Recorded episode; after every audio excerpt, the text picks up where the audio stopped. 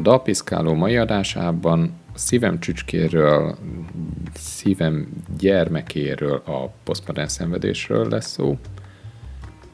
Kettő dalt fogok bemutatni.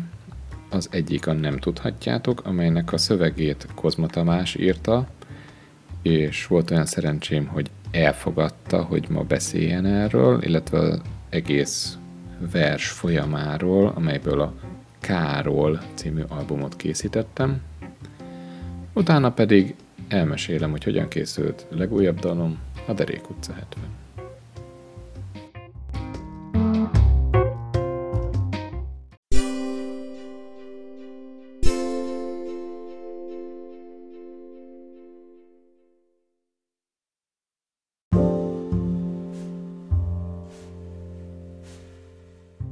Kozma Tamással beszélgetek, aki a Nem tudhatjátokat írta. Budapestről hívsz most engem, vagyis én hívtalak téged, de teljesen mindegy, én pedig Debrecenből. Azt már meg is beszéltük, hogy 2008-ban írtad a Nem tudhatjátokat. Ha... Hú, de hirtelen közbevágok. Nagyon in medias res volt? Mindenkit üdvözlök, aki itt van és hallgat bennünket. Annyira profin Azt csinálod. megbeszéltük, hogy ez 2012-es szöveg. Igen, 8 évvel ezelőtt született. 8 nem éve, 2008-as. Igen, Eh, bocsánat. Lényegtelen is. Visszaadom a szót egy pillanatra, tessék. hogyha visszatekintünk, mint a, az ilyen uh, rádióműsorban, hogy, hogy ebben az évben született izé, meg felfedezték, meg átadták a nem tudom milyen Nobel-díjat, hogyha arra az évre visszatekintesz, mint ilyen képekre, akkor mi jut eszedbe? Uh, igen, igen. Hát egy tragédia. Elvileg van egy Tényleg? ilyen film, aminek ez a cím, hogy 2012 valami ilyen apokaliptikus igen, történet. borzasztó. De lépjük át ezt a legolcsóbb szintű poént, és fordítsuk komolyabbra. Egy ki, ilyen szűkítő eljárást használnék. Tehát egy távolról közelítek, és akkor Mhm. ott, ott a végén meg majd mi már ott sem leszünk remélhetőleg csak ez a szöveg.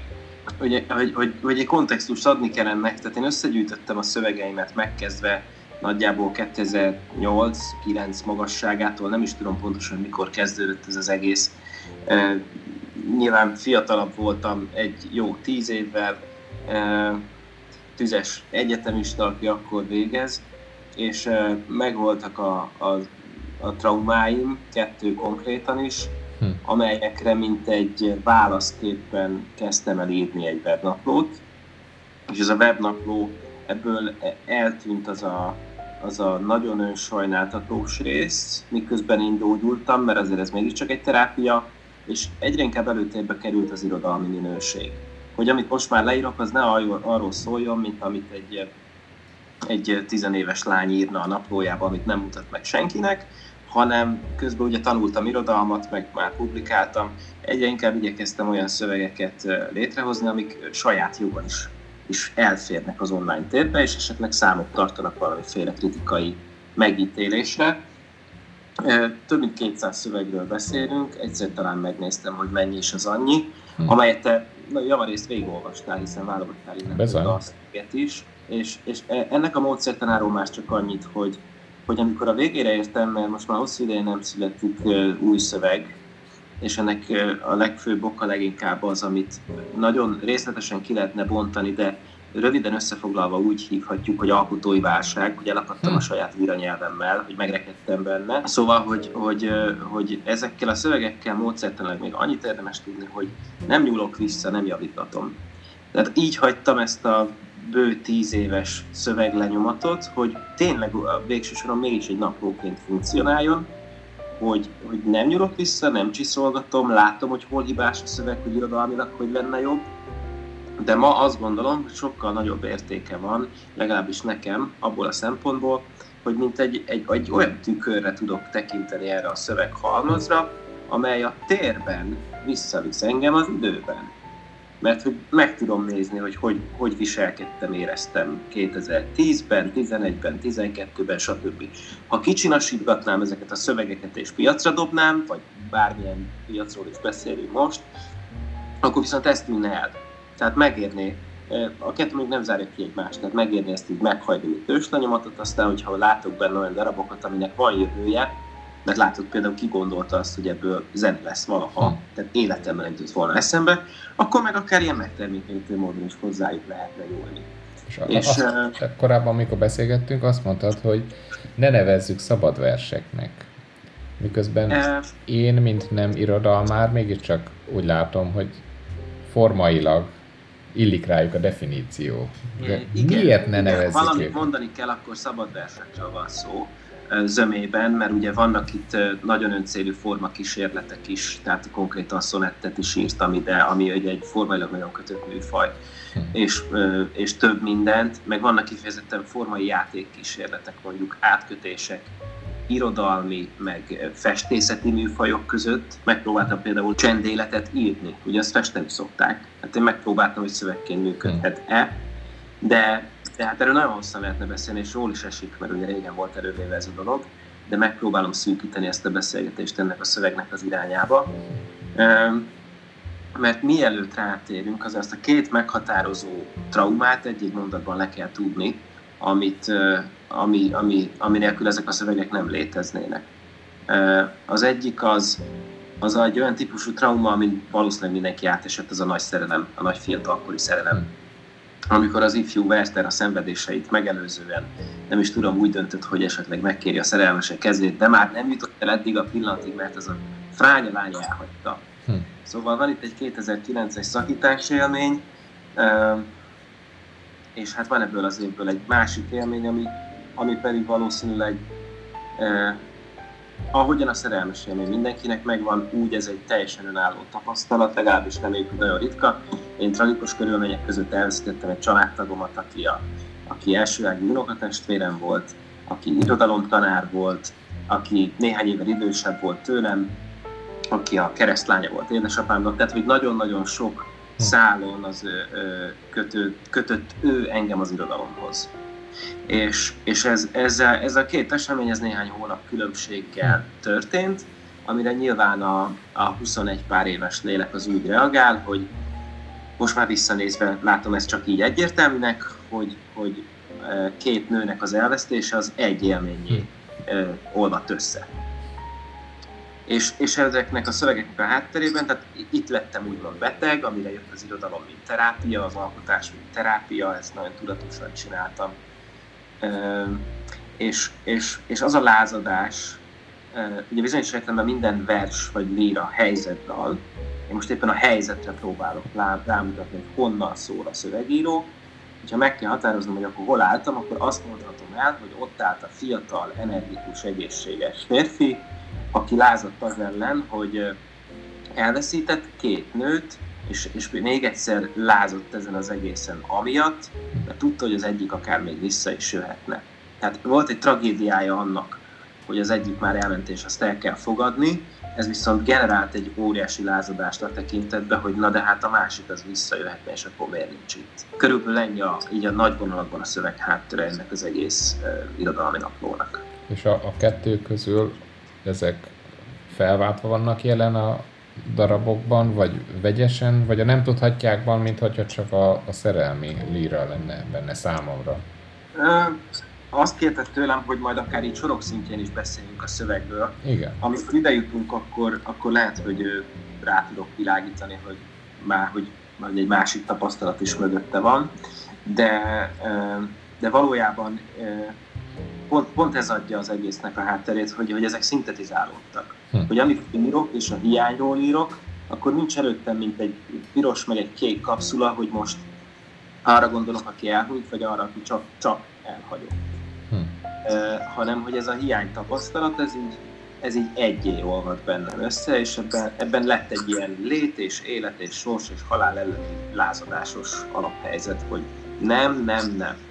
Hm. Nem lehet én nem tudom, hogy elfér ebben az, vagy esetleg vágni le, hogy, hogy hallgassák meg, a, hogy hallgassák meg megzenésítve az emberek, vagy hogy olvassam föl, hogy gyorsan átfutunk rajta, mert ez nem egy hosszú szöveg. Úgy szoktam csinálni, hogy egy-két-három sort olvasok, és akkor Jó. ami eszünkbe jut, az Jó, akkor ez nagyjából vannak ilyen strófák. Én leginkább csak a nagyon egyszerűen a szövegről, vagy a címről mondanék két sort. Ugyanis az a címe, hogy, hogy nem tudhatjátok. Ne, neked ismerős valahonnan ez a szöveg? Hát ugye egyszer már véletlenül belefutottunk, hogy a Radnótinak a nem tudhatom jára emlékeztet engem. Uh-huh. De i- ilyen ragozásban így nem ismerős hirtelen. Igen, mert itt nem, nem erről lenne szó, tehát ugye nem tudhatom másnak mit tájépíteni. Igen, igen. E, igen, az ugye egy egészen más érzelmekre hangolódó szöveg. Igen. De hogyha maradunk a formánál, akkor ez bizony új szövetségi szöveg. Oh.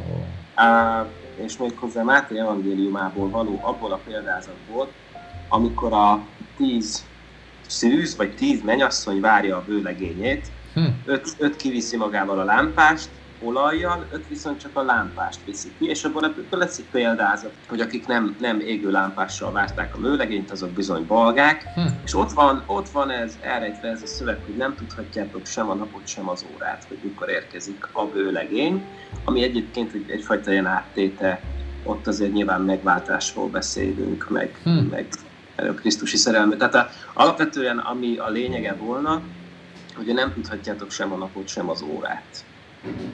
Mert hogyha elindulunk ezen a szövegen, akkor itt egyből a középpontba kerül az idő. Olvasok is egy részt, jó? Jó. Az idő olyan csak, mint Hans Castor jelöletlen hőmérője, valahol éppen tart, teljesen mindegy hol. A tegnapot és a holnapot a viszonyítás teremti meg, nincsenek. Most van.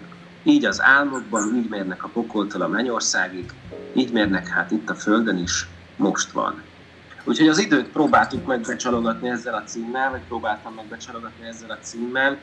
Izgalmas ugye, hogy régen olvastam ezt a szöveget, hát neked köszönhetően hallottam persze megzenésítve, ami nagyon jó élmény volt valahányszor, de, de hogy visszahelyezkedni, most egy kicsit visszautazni abba, hogy 8 évvel ezelőtt miért és hogyan írtam meg, ez váratlanul könnyű feladat. Hogy nagyon messze lesz, és hogy nagyon távol lesz ez a dolog, de de meglepően könnyű visszaemlékezni, hogy mi hmm. miért történt, és mi hogy van. Akkor kezdjük uh, azon, hogy Hans Castor a Varázshegyből hogyan jelenik itt? Mi, miért ő jelenik itt meg? Igen, Hans Castor több szövegben is előjön. Úgy jelenik meg, mint egy meghatározó olvasás élmény ebből a korszakból. Hm. Ugye Thomas Mann varázshegyéről beszélünk, ez egy ilyen generációs történet, hogy, és akkor egy sztori, hogy mindig azzal ijeszgetjük egymást, amikor egy hosszú könyvet meg akarunk említeni, hogy a háború és béke, hogy az milyen hosszú. Igen, igen, de aki tényleg olvasgat, azért az belefutott a József és testvéreibe, ami ezzel egy érezhetően hosszabb könyv, és Thomas Mannél. Mm. De valami nálunk a háború és béke terjedte így el, hogy na, az a hosszú. Igen, igen. Aztán persze vannak még hosszabbak az eltűnt időnyomában, és a többi, és a többi, de nekem nagyon meghatározó nem csak a, Hans Castor varázshegye, hanem egyáltalán Thomas Mann hm. írásművészete nem, nem, nagyon nem vagyok ez a favoriter típus, és azt mondani, hogy ez a kedvenc focsi csapatom, ez a kedvenc filmem, ez meg a kedvenc együttesem, de, de talán írók közül az eddigi 35 évben azért, azért Thomas Mann volt rám a legnagyobb hatása. Hans Castorp története, a varázs egy története, aki olvasta, olvasta, aki nem, nem. Itt a jelöletlen hőmérő elég, hogyha erre térünk rá. Nekem ma már az nem világos, visszaemlékezve el a regényre, amit valahol ekkoriban olvastam, hogy, hogy most Hans Castorban láz miatt látja csak úgy, mintha nem lenne bejelölve a hőmérője, vagy tényleg nincs bemelő, bejelölve a hőmérője, amikor mérik a testhőmérsékletét, vagy esetleg nem is számít, hogy be lenne jelölve az a hőmérő. Próbáltam összerenteni a teret, meg az időt, meg a mérhető dolgokat és a mérhetetleneket ezzel a képpel. És van egy általános időtapasztalat emögött és tértapasztalat, ami nekem máig meghatározó, és kicsit a sajátomnak érzem Persze, hogyha utána olvas az ember a szakirodalomból, az nyilván spanyol viasz. De én azzal nagyjából ö, egyet tudok érteni, hogy mivel végtelen tér és idő vesz ö, körül minket, ez, ebben a végtelen nagy térben, ahol nincsenek viszonyítási pontok, mi állunk úgy, mint a bóják a vizen. Tehát, hogy mi vagyunk a viszonyítási pontok, és, és magunkhoz, meg az emberekhez képest tudunk csak valamit mondani, mert gondolkodom, tehát vagyok, hogy magamról van egyfajta bizonyosság tapasztalatom, hogy én itt vagyok, de a korlátokat nem látom sem időben, sem térben, akkor magamhoz képest helyezem el a dolgokat. Úgyhogy itt a jeleletlen hőmérő helyett inkább házkásztortra kell figyelni, vagy a ére. Ez van itt aztán kibontva, hogy a tegnapot és a holnapot a viszonyítást teremti meg, hogy nincsenek. Igazából nincs semmi más, csak most van. Pirinszki is írja az itt és mostot, azok nagyon meghatározó. Nem, mintha hozzá akarnám hasonlítani magam bármiben, ettől megóvom én magamat, de az irodalomnak nem idegen ez a fajta gondolkodás, hogy itt és most. ez nálam is több helyen visszatér, de maradjunk ennél a szövegnél. Hogy így, így az álmokban így mérnek a pokoltól a mennyországig, így mérnek hát itt a Földön is, ha tudnék, csak akarnék elszakadni attól a meghatározó fiatalkori világképtől, amit kereszténységnek hívunk, és amiben engem nyakig megfürdettek, mert ez van az európai kultúrazonosságunknak is a része, de hogy a álom, pokol, mennyország és föld nem össz, szándékosan össze akarom rántani a dimenziókat. Ne, nem érdekli azt a szöveget, meg ennek a szövegnek a bíróját, hogy most ez a, ez a kevés kis cselekmény, ami itt van, az hol játszódik. Hm. Hogy az most álom, vagy mennyország, vagy üdvösség a vége, vagy nagy büntetés. Ez, ez nem, egyszerűen nem tart számot az író, vagy szándék szerint az olvasó se arra, hogy ez kiderüljön, mert lényegtelen, hiszen nem mérhetőek a terek, meg minden hm. ugyanaz van. Közben a kérdésekben nyugodtan tört fel, ha most nincs, akkor megyek egy strófát. Nekem, nekem a, a, két, a két strófa közötti konfliktus érdekes, mert pont egy ilyen inverz népkötészetet fedeztem fel, mikor mm. gitározgattam rá, hogy a népköltészetben előbb megjelenik a természeti kép, és utána a kedves. Uh-huh. Itt pedig egy hatalmas, hát egy, egy időfilozófiát, meg amiket elsoroltál, azt olvashatunk, és utána a természetben jelenik meg a kedvesnek csak bizonyos testrésze, árnyéka, lenyomata. Így, így te is így, ezek a gondolataid voltak, mikor írtad? Vagy? Igen, és örülök, hogy annak is ilyen gondolata van, aki ezt olvassa. Itt ugye ezután akkor haladunk egy strófát, és megválaszolom a kérdést. Állok a réten, mindegy, hogy eltakarják és zsenge kalászok a térded, vagy őszi tarló, szűz hó talán. Mindegy, a nap vállat felett évrede, vagy épp lenyugszik.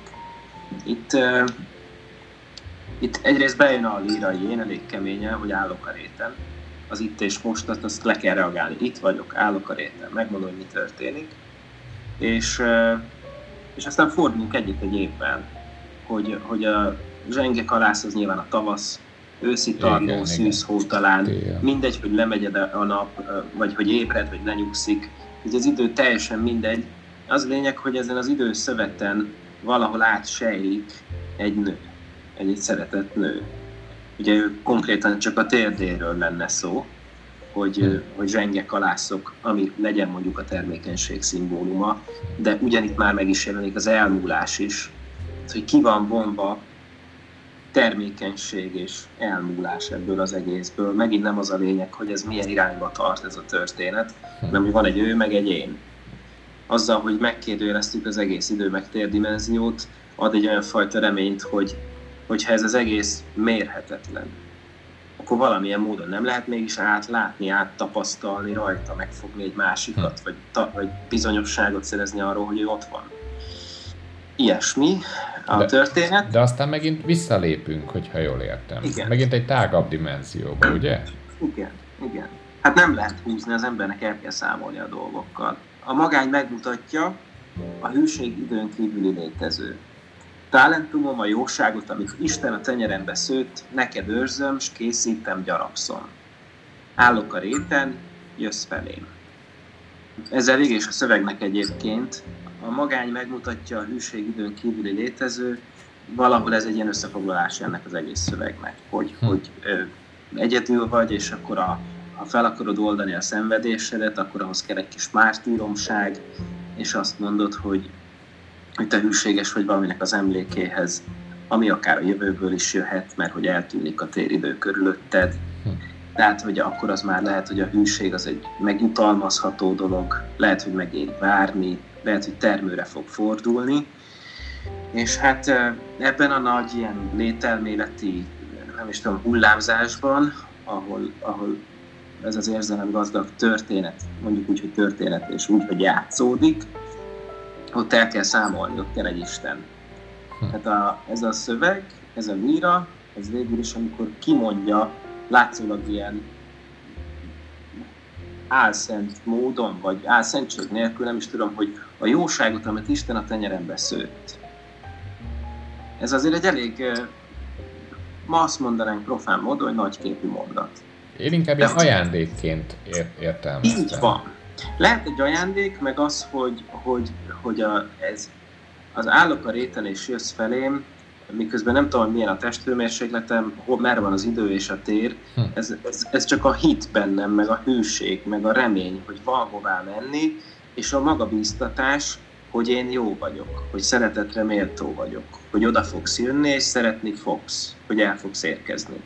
És az a jóság, amit Isten a tenyerembe szőtt, ez tulajdonképpen a szöveg végére egyfajta tanúbizonyságként működik, egy, egy visszaigazolás, hogy én létezem, hogy nem lehetek rossz, hogy nem azért hagytak el, mert rossz vagyok, nem azért ment el, nem büntetésképpen történt, és ezt, ezt csak a hit helyettesítheti, hogy vissza fog jönni, állok a réten, gyarapszom, jössz felém.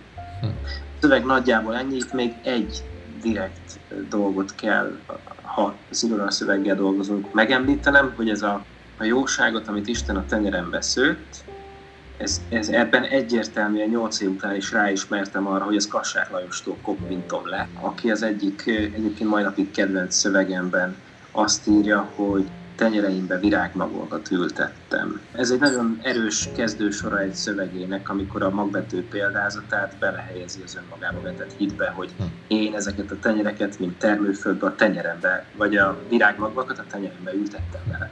És ebben, hogy a jóságot, amit Isten a tenyerembe szőtt, ebbe, ebbe egy per egyben felismerem azt, hogy nyolc évvel ezelőtt nekem Kassák Lajos vagy tudatosan, vagy hátulról alattomos módon, de ott ült a vállamon, amikor írtam ezt a szöveget találtam benne egy olyan arányérzéket, próbálgattam tanulni dalszövegírást, és abban felosztják a, a dimenziót két-három részre minden dalnak, és, és kiemelik, hogy de el lehet ezt ám tolni.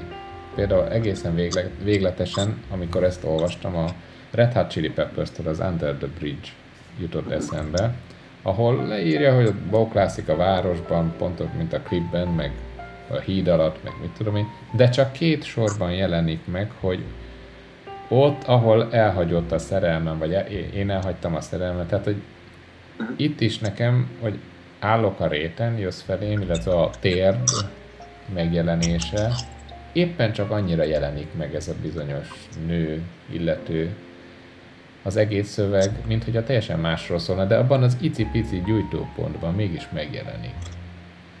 Igen, igen, az állok a réten és jössz felém, az ugye a várakozásnak az aktusa. Uh-huh. És, és talán itt csatolunk vissza a címadó sorhoz, ez a nem tudhatjátok se a napot, se az órát.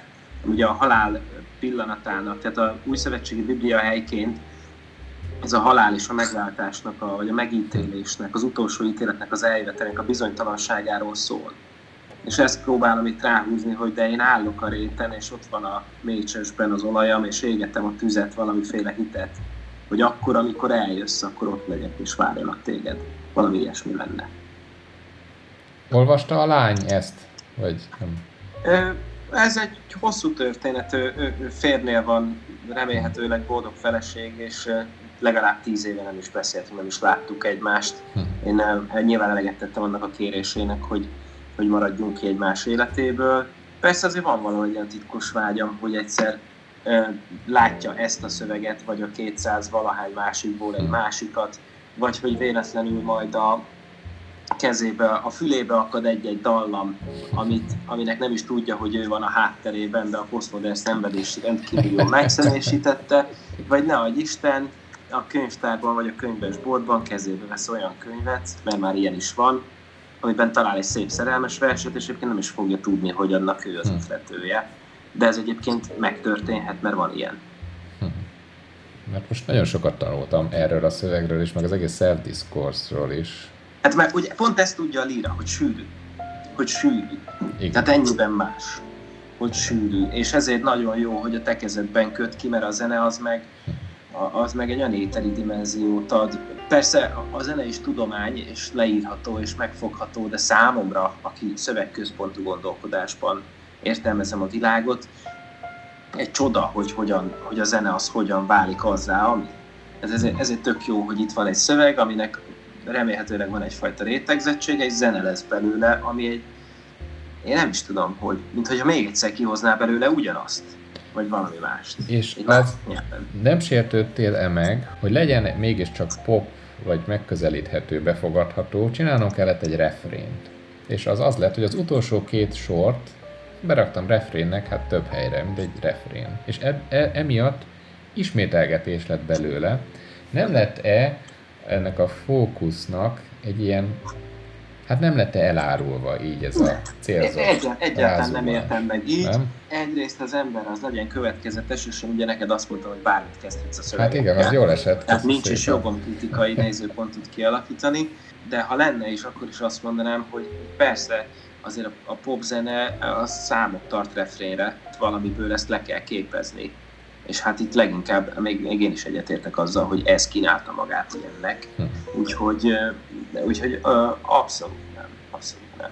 Illetve hát talán az azonosulhatóság szempontjából is jót tesz, hogy olyan dolog vált refrénné, ami egyes szem első szemébe szól. Talán könnyebben beletapad a, a hallgatóknak Igen. a fülét. Igen. Hát nagyon tanulságos volt ez. Kicsit ez a, a, a, arra is hatással lesz, ahogy majd a következőt fogom olvasni, hogyha lesz új self-discourse bejegyzés, mert mondtad, hogy dolgozol rajta. Le, igen. Lesz? Lesz? Igen. Igen, engedjünk meg 30 másodperc reklámot, vagy 15 másodperc hírnevet. Ugye emellett azért néha publikálok, akár online, akár printben is megtalálható néhány írásom. Nem ez az első profil, hogy én írjak, de több helyen jelent már megnyomtatásban a bemutatkozásom részeként, hogyha, hogyha lírát írnék, vagy verset írnék, azt nyugodtan vegyék időhúzásnak, mert az én szívem alapvetően prózához húz. Hol lehet olvasni Kozma Tamást ma? 2020 Mondjuk a legutóbb a, a Magyar Író Szövetségnek volt ilyen, ilyen antológia kötete, hmm. ahol olyanok írásai jelentek meg, akik korábban tanultak az ő íróiskolájukban, ennek a tavalyi kiadványnak az a cím, hogy a lakat vére hull. Maga az írószövetség adja ki. De ott is elhangzik ez, hogy, hogy a lira az nekem időhúzás, mert a próza az a nyelv, amin megértem a világot. És a, a Self-Discourse-on ott előkerülnek prózai rövid szövegek is, de vagy ez egy napló, ami nagyon kötetlen, tehát hogy tényleg a, mert értelemszerűen kötetlen, hiszen mindig az aktuális állapotodat írod be, és aztán végül is egy szöveggé áll össze. Aztán van benne ilyen, olyan, amolyan. Tehát nagyon változatos szövegvilága van. De a versek kopnak kifelé, mert, mert az alkotói válságomról kellene beszélnünk. Nagyon régóta, most kattintok egyet, csak kíváncsiságból, de én azt hiszem, hogy több mint egy éve született itt utoljára. Igen, Líra. Igen, több mint két éve.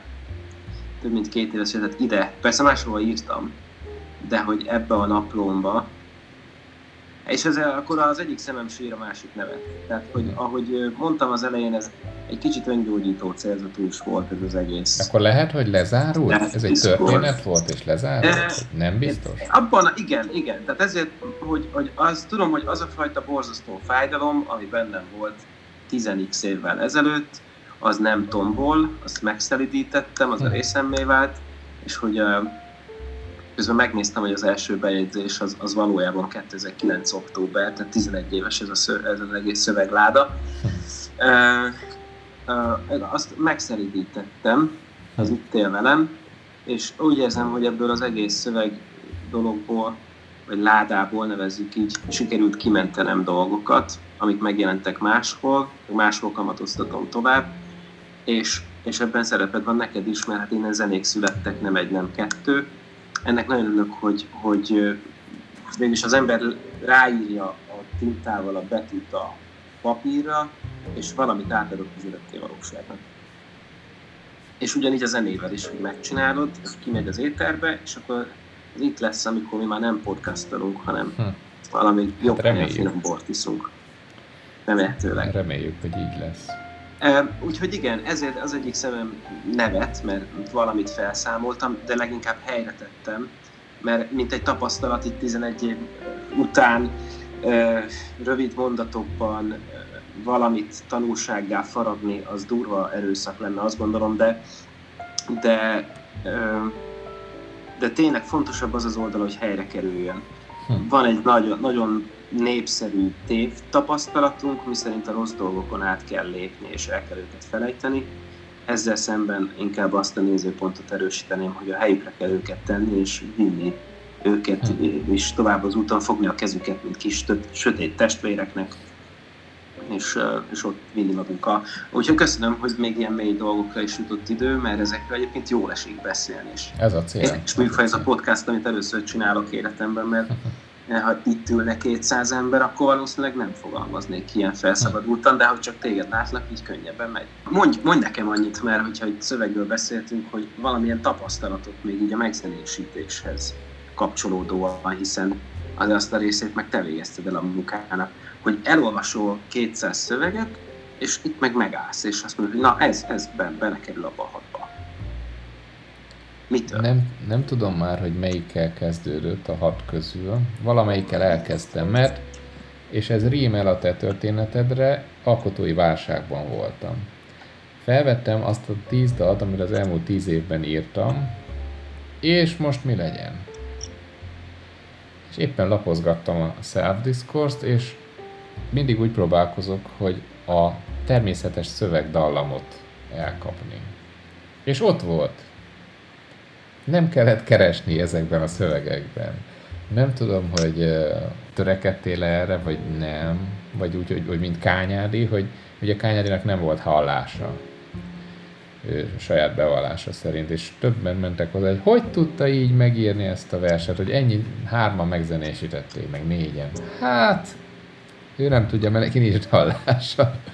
De, Igen. De ezekben benne van a dallam. Tehát már csak alá kellett igazából rakni gitárt, ezt, azt, és kész volt.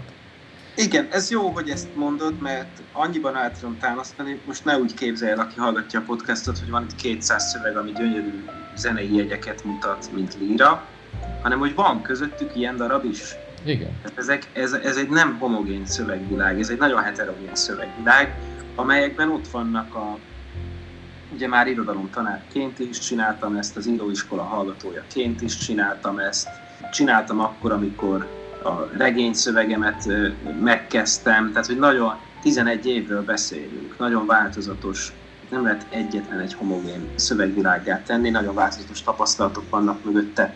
Persze azt a két meghatározót leszámítva, ami az egésznek keretet ad, de, de, de az, hogy azt mondod, hogy vannak bizonyos szövegek, amik, amikben van zene, azt tudom. Azt tudom, mert az nagyon sokszor szándékolt.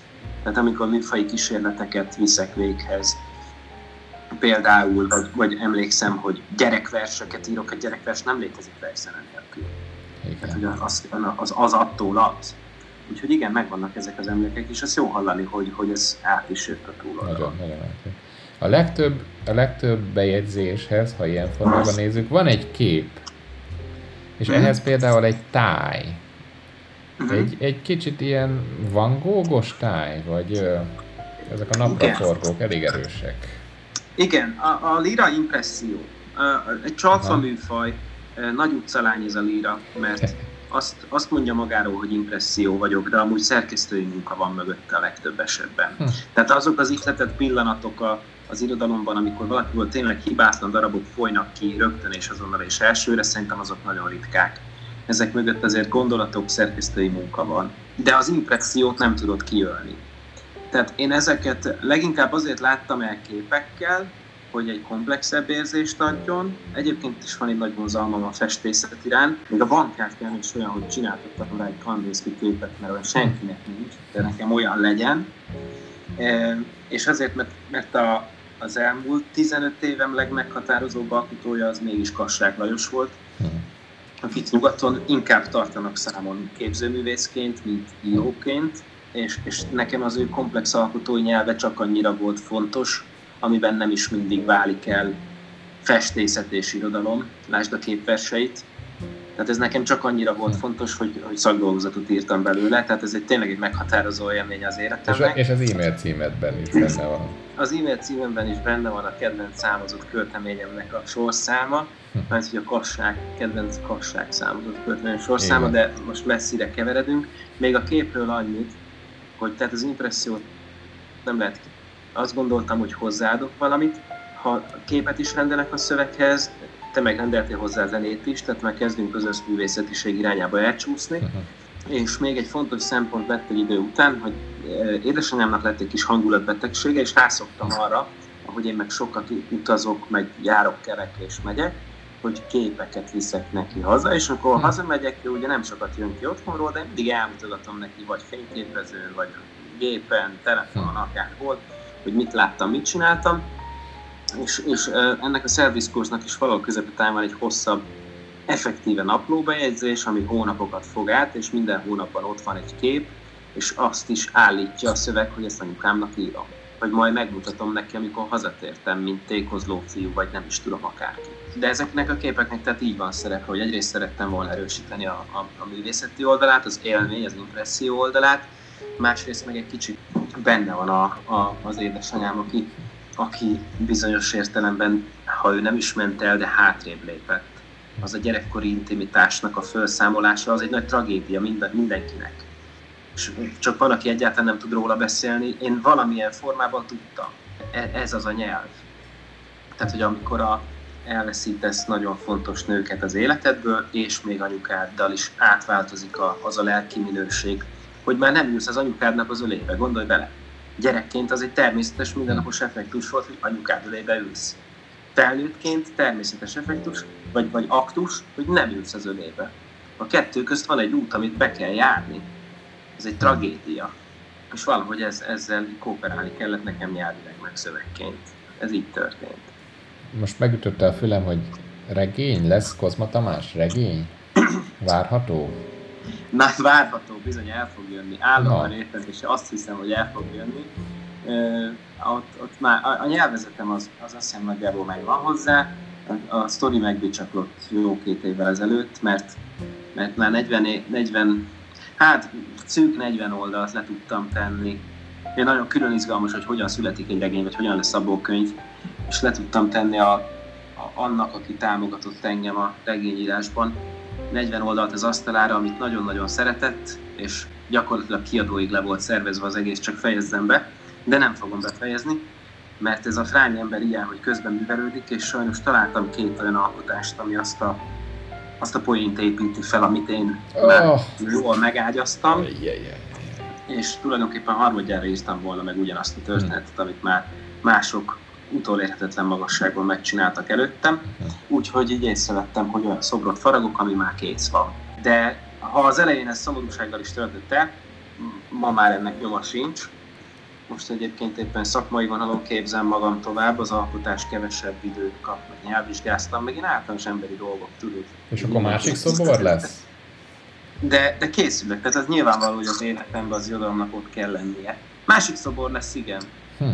Hát én alig nem, nem merek nagy, nagy mondatokat mondani, és nagy vállalásokat tenni, mikor, meg hol. Abban vagyok biztos, hogy lesz. Én, én bejelentkeznék egy példányra. Jó, jó, köszönöm szépen. Ha, ha, Írjál fel a listára. Egészen egyedülálló zenei teljesítmény lenne, egy teljes regényt megzenésíteni. Ja, Istenem. Úgyhogy hajrá! Egyelőre csak egy dedikált példánynak is nagyon örülnék.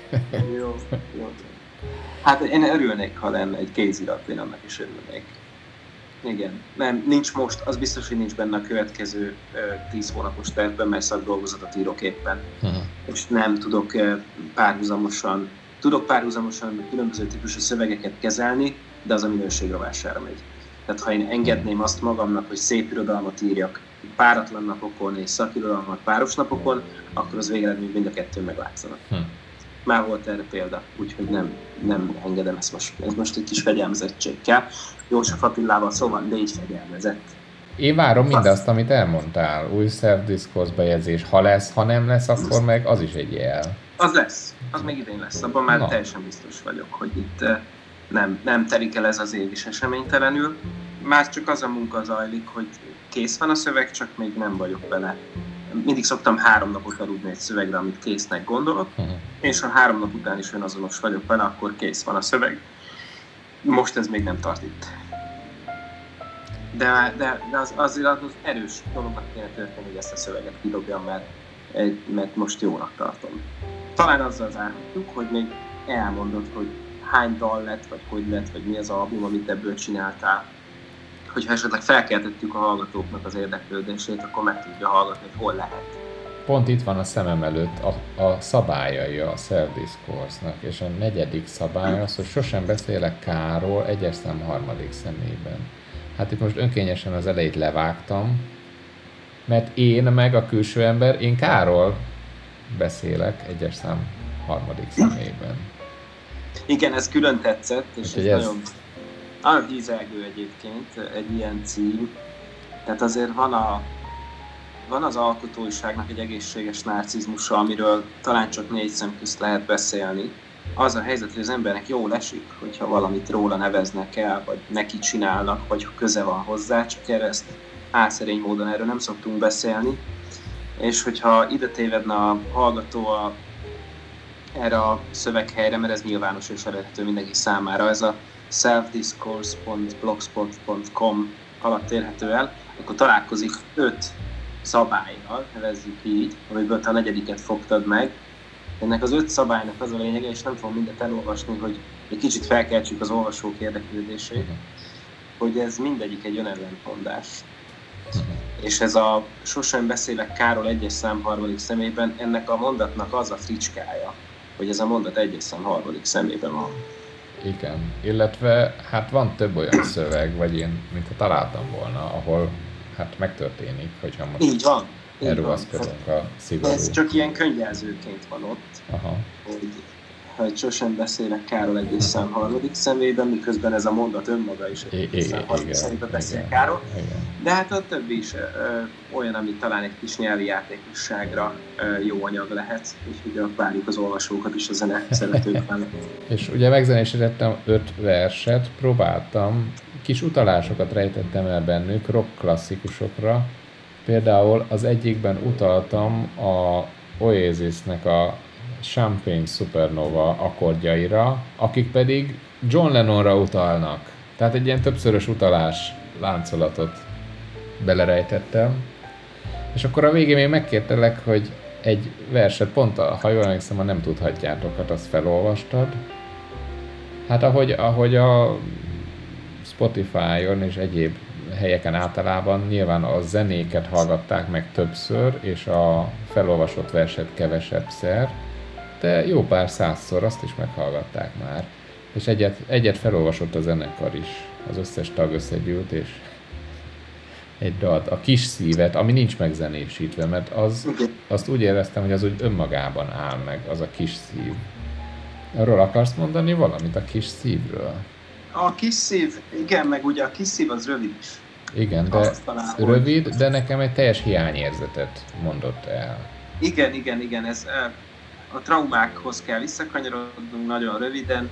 Ez a kis szív, ez, ez a, a szerelmesemnek volt egy ilyen kedvenc szava, hmm. meg ez így az intim nyelvhasználatunk része volt, ahogy nem tudom, a, a szerelmes párok szokták Igen. egymásnak mondani, hogy macikám, muszikám, nem Igen. tudom, nálunk a kis szív az ilyesmi hmm. szerepben volt. Úgyhogy ez, ez tök jó, mert tudunk legalább egy példát mutatni arra, hogy hogyan van jelen a, az életrajz, vagy az életrajz elemek hogyan jönnek át és aztán bizonyos értelemben hogyan kopnak ki. Ugye, tehát a self-discourse az elején inkább életrajzi, a végén meg inkább irodalmi, de egyik sem elő nélkülözi a másikat. Hát ezt elolvastad fel, illetve mint a zenekar front, frontembere, összegyűjtve egy zenekar, és én nagyon szerettem, mert ez egy nagyon kedves darab. A, a kis szív képi kiegészítése az egy bogárnak a röntgen felvétele, hm itt nyilván kafkai hatásokról beszélhetünk, mert anélkül se tudok egészében élni, és ezt most nem fogják látni azok, akik csak hallják a szöveget, de két bogár van a nappaliban kitéve, Igen. nyilván nem mentesen kafkától. Hm. A, a kis szív az egy nagyon, az egy, az egy rövid nyelvi játék arról, hogy, hogy mondjuk el tudna-e rákosodni egy szív, mondjuk, vagy hogy, hogy nincs ebben semmi, ez klasszikusan szerelem és halál, halál és szerelem, nagyjából ennyi az egész. Reméljük minél többen meghallgatják Spotify-on, vagy Youtube-on, vagy Apple Music, Deezer, mit tudom én, még olyan is van, hogy Napster képzelt, még működik az is. Úgy, Rendkívül hogy... jó. Hát akkor remélem, hogy aki ezt hallotta, az elvisz magával belőle valamit, és meg, nem is fog olvasni vagy hallgatni, de felkeltettük mondjuk hm. más szövegek vagy zenék iránt az érdeklődését, és én kötöm a lehetőséget, hogy itt beszélhettem erről, hát mert amellett, hogy csinálunk itt egy hanganyagot, ez piszok jó érzés. Hát köszi, hogy majdnem egy órát beszélgettünk most a éjszakába igazából. Jobb lenne persze borra, meg ilyesmi. Hát majd hát arra is sor kerül egyszer. Nagyon köszönöm, hogy itt a dalpiszkálóban beszélhettem azokról a szövegekről, amelyek adott esetben már tíz évesek is lehetnek, és valószínűleg soha életükben nem számoltak azzal, hogy zeneként is meg fognak szólalni. Úgyhogy óriási köszönet a dalpiszkálónak, és a posztmodern szenvedésnek ezért az egészért. Hát nagyon köszönöm, hogy megengedted őket. Bármikor.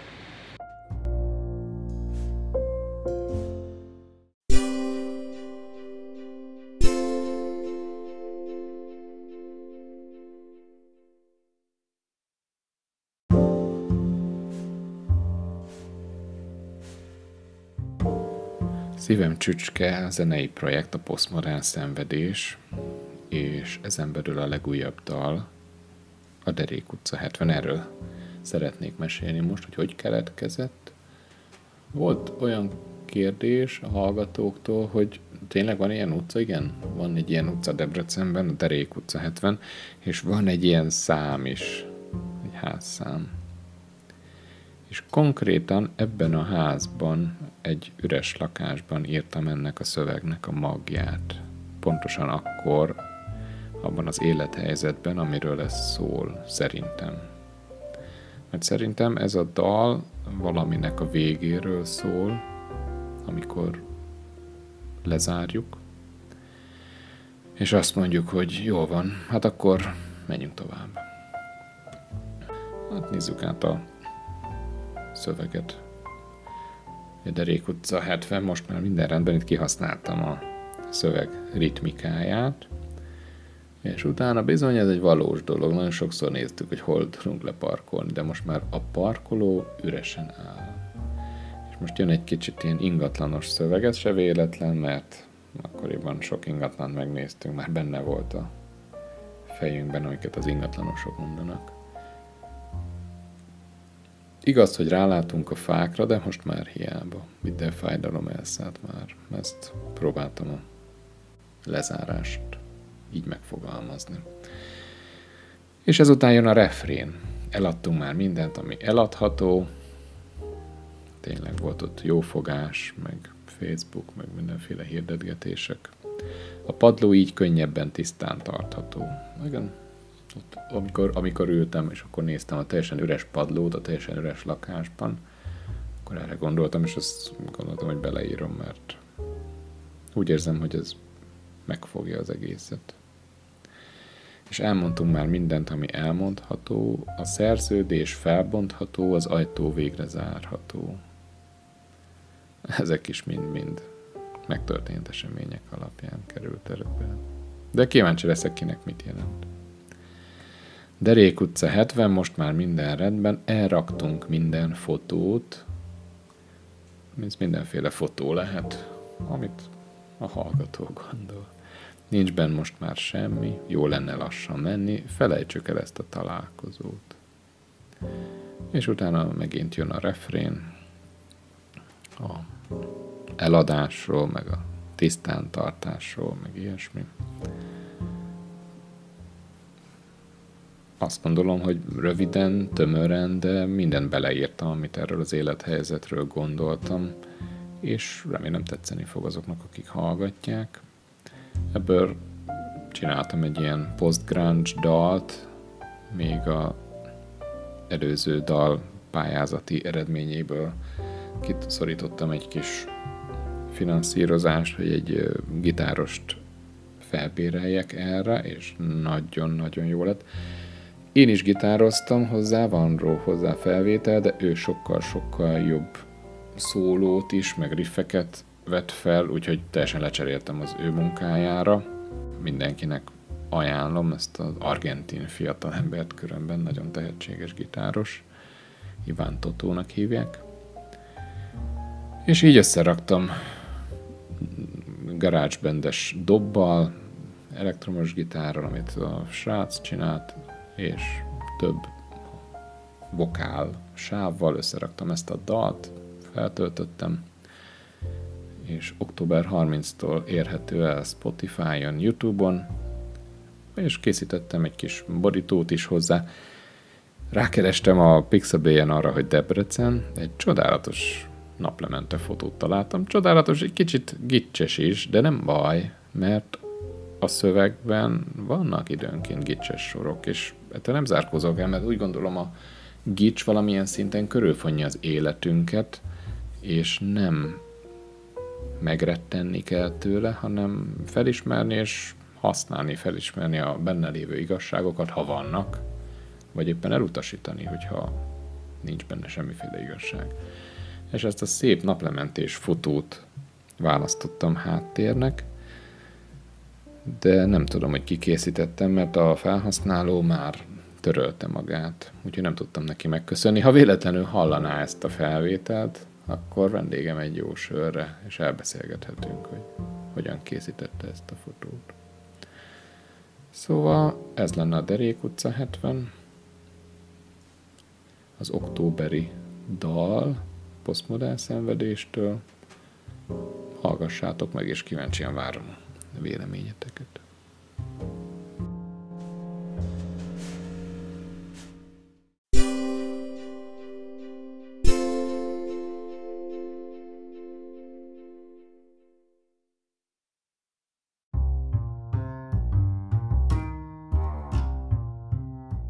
Ez volt már a Dalpiszkáló, kövessetek Instagramon, hallgassátok a Dalpiszkáló playlistet Spotify-on, és várlak titeket legközelebb is.